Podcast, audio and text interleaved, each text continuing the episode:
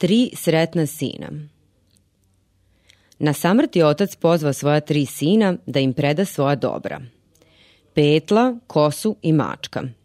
Znam da to nije neka ostavština, reče otac, ali ako ih odnesete tamo gde niko za njih nije čuo, sreća će vam biti naklonjena. I tako prvi brat krenu na put, noseći pod rukom svog petla, ali ne nađe mesto na kome za tu životinju niko nije čuo.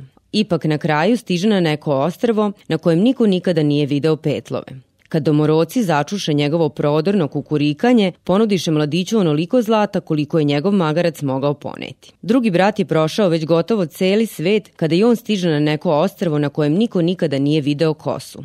Domoroci su tamo batinama žnjeli žito, a to nije bilo ni malo praktično. Poklonio im je kosu, a oni njemu zlata koliko su mogli utovariti na njegova magarca. Treći brat, noseći svoju mačku, stiže u zemlju u kojoj je bilo mnogo miševa, a niko nije znao kako da ih se oslobodi. Kad su videli kako ih mačak tamani, htedoše platiti za njega koliko god je potrebno, pa dadoše mladiću onoliko zlata koliko je njegov konj mogao poneti. Reći ćete da su tri brata zaista bila sretne ruke.